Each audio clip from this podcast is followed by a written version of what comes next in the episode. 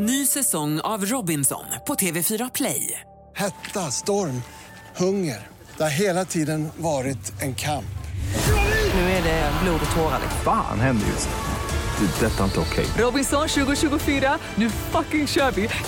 Streama söndag på TV4 Play. Du lyssnar på en podcast från Expressen. Fler poddar hittar du på expressen.se podcast och på iTunes.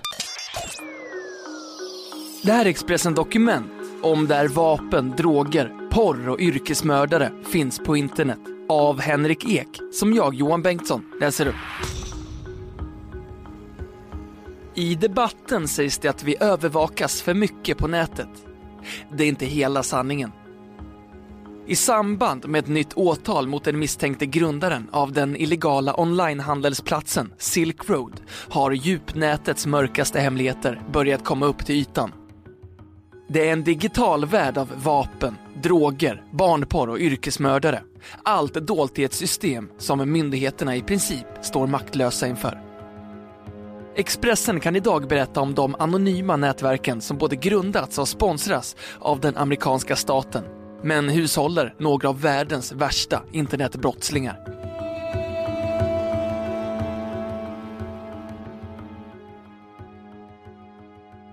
Han förstod att FBI var honom i hälarna, men inte hur nära och inte hur gärna de ville ha fast honom.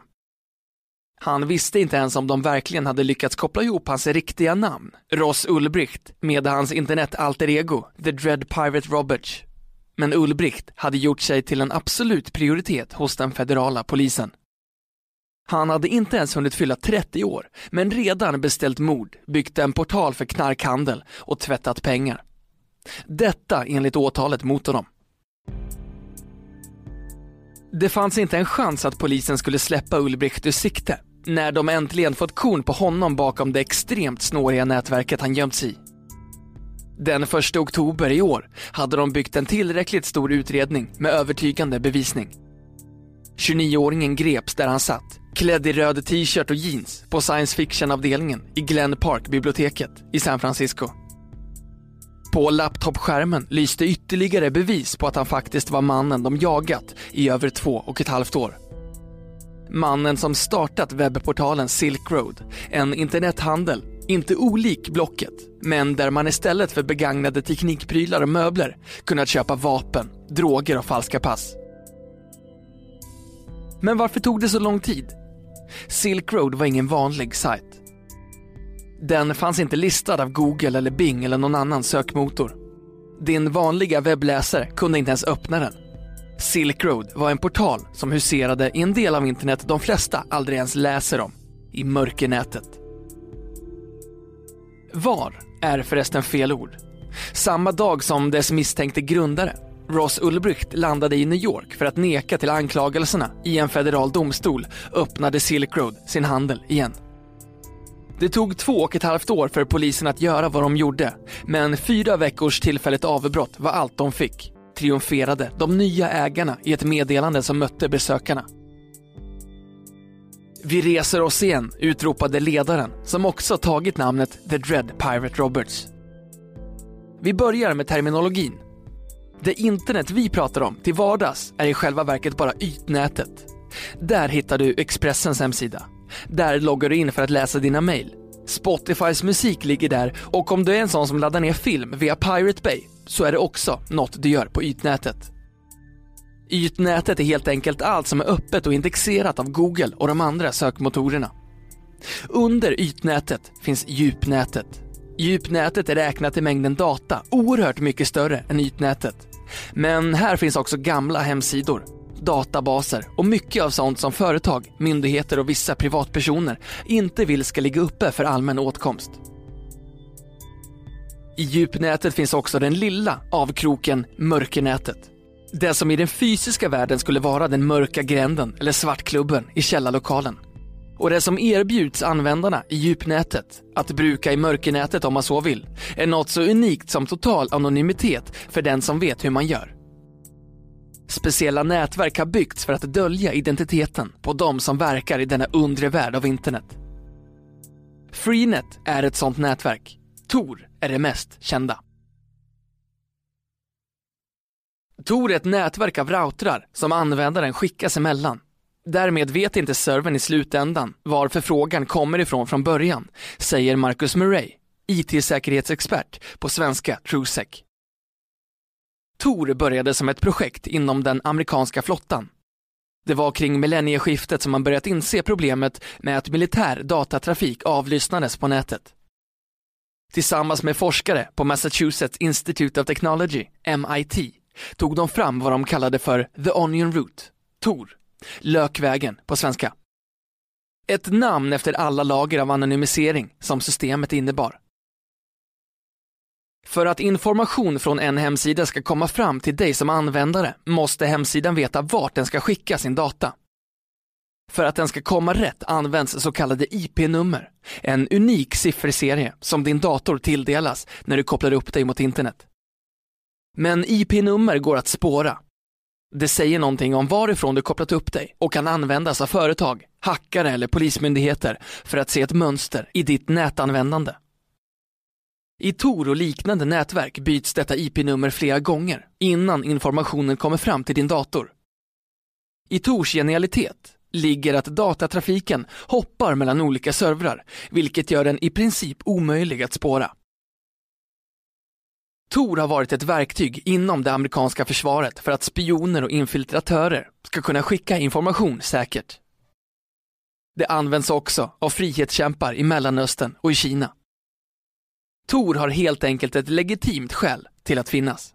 Men på samma sätt som att vägar kan användas för att köra fort på och gränder kan användas för att sälja droger i, så kan Tor användas för att ge handel med illegala varor en fristad. Silk Road är just den fristaden. Den FBI-agent som ledde utredningen mot Silk Road och dess ledare sa nyligen i ett uttalande att Silk Road är den mest sofistikerade och utbredda kriminella marknadsplatsen på nätet idag. Illegal verksamhet på Tor började inte långt efter att nätverket blev tillgängligt. 2006 gjorde sig marknadsplatsen The Farmers Market ett namn genom att sälja allt ifrån marijuana till receptbelagda läkemedel. Sajten plockades ner 2012 efter en lyckad utredning av den amerikanska drogpolisen, DEA. Men det var bara en av många illegala forum som börjat ploppa upp. Medlemmar ur Al-Qaida sägs ha egna digitala mötesplatser under skydd av Tor, enligt en artikel i Time Magazine. Stora nätverk av virusinfekterade datorer som skickar ut spammeddelanden gömmer sig där. I augusti i år gjorde FBI ett tillslag som tog ner Tor-klienten Freedom Hosting som visade sig lagra vad myndigheterna kallade den största databasen för barnporr i världen. Men Silk Road är annorlunda. Den förbjuder barnporr och du kommer till exempel inte kunna hitta vapenklassat plutonium. Silk Roads syfte är på många sätt grundat i Ross Ulbrichts politiska ställningstagande om maximal individuell frihet. 29-åringen är född och uppvuxen i Texas och en supporter till superliberalen Ron Paul, presidentkandidat 2012. Likt Paul har också Ulbricht läst vid Austrian School of Economics där grundaren Ludwig von Mises lärt ut sin visdom om en fullständigt öppen marknad.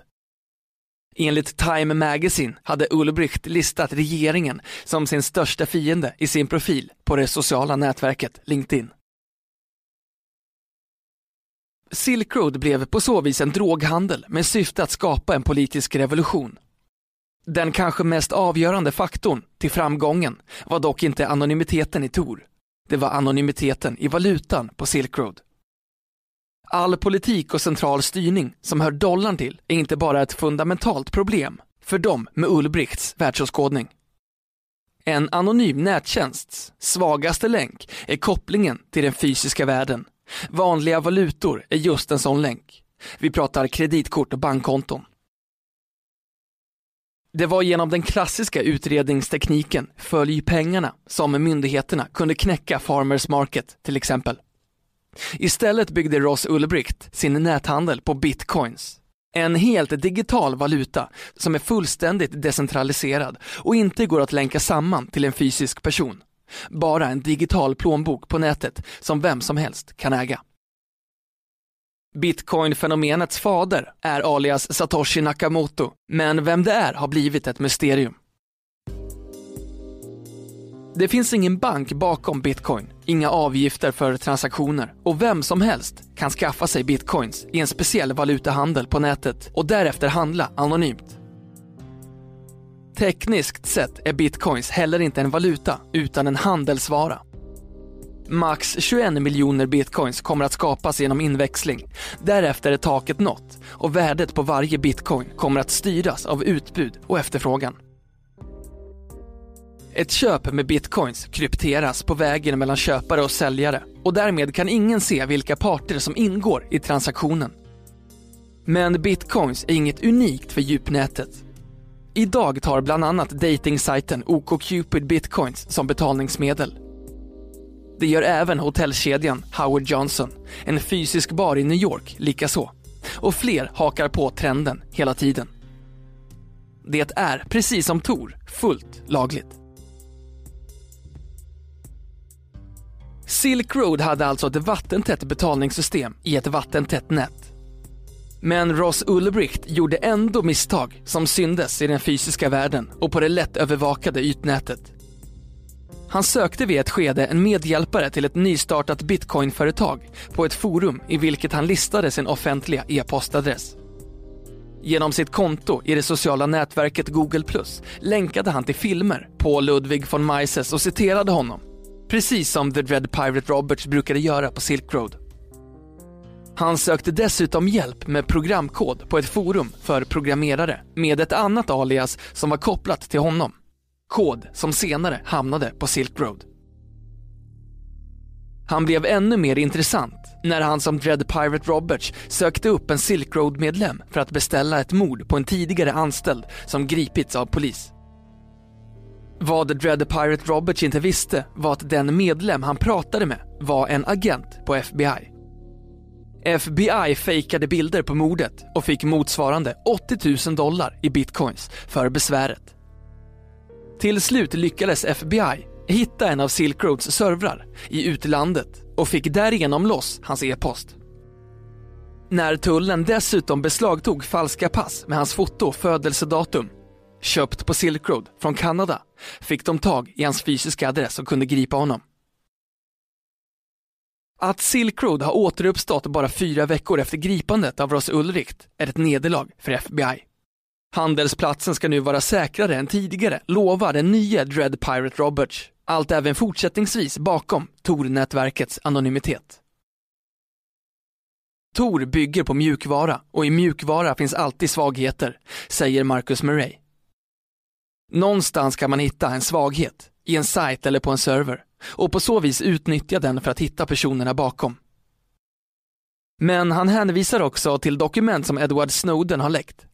Det stod i en rapport att NSA tycker att Tor är jobbigt. Om NSA har den inställningen vet man att det är något som fungerar.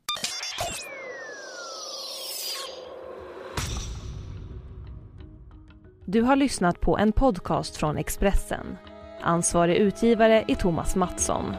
Fler poddar finns på Expressen.se och på iTunes.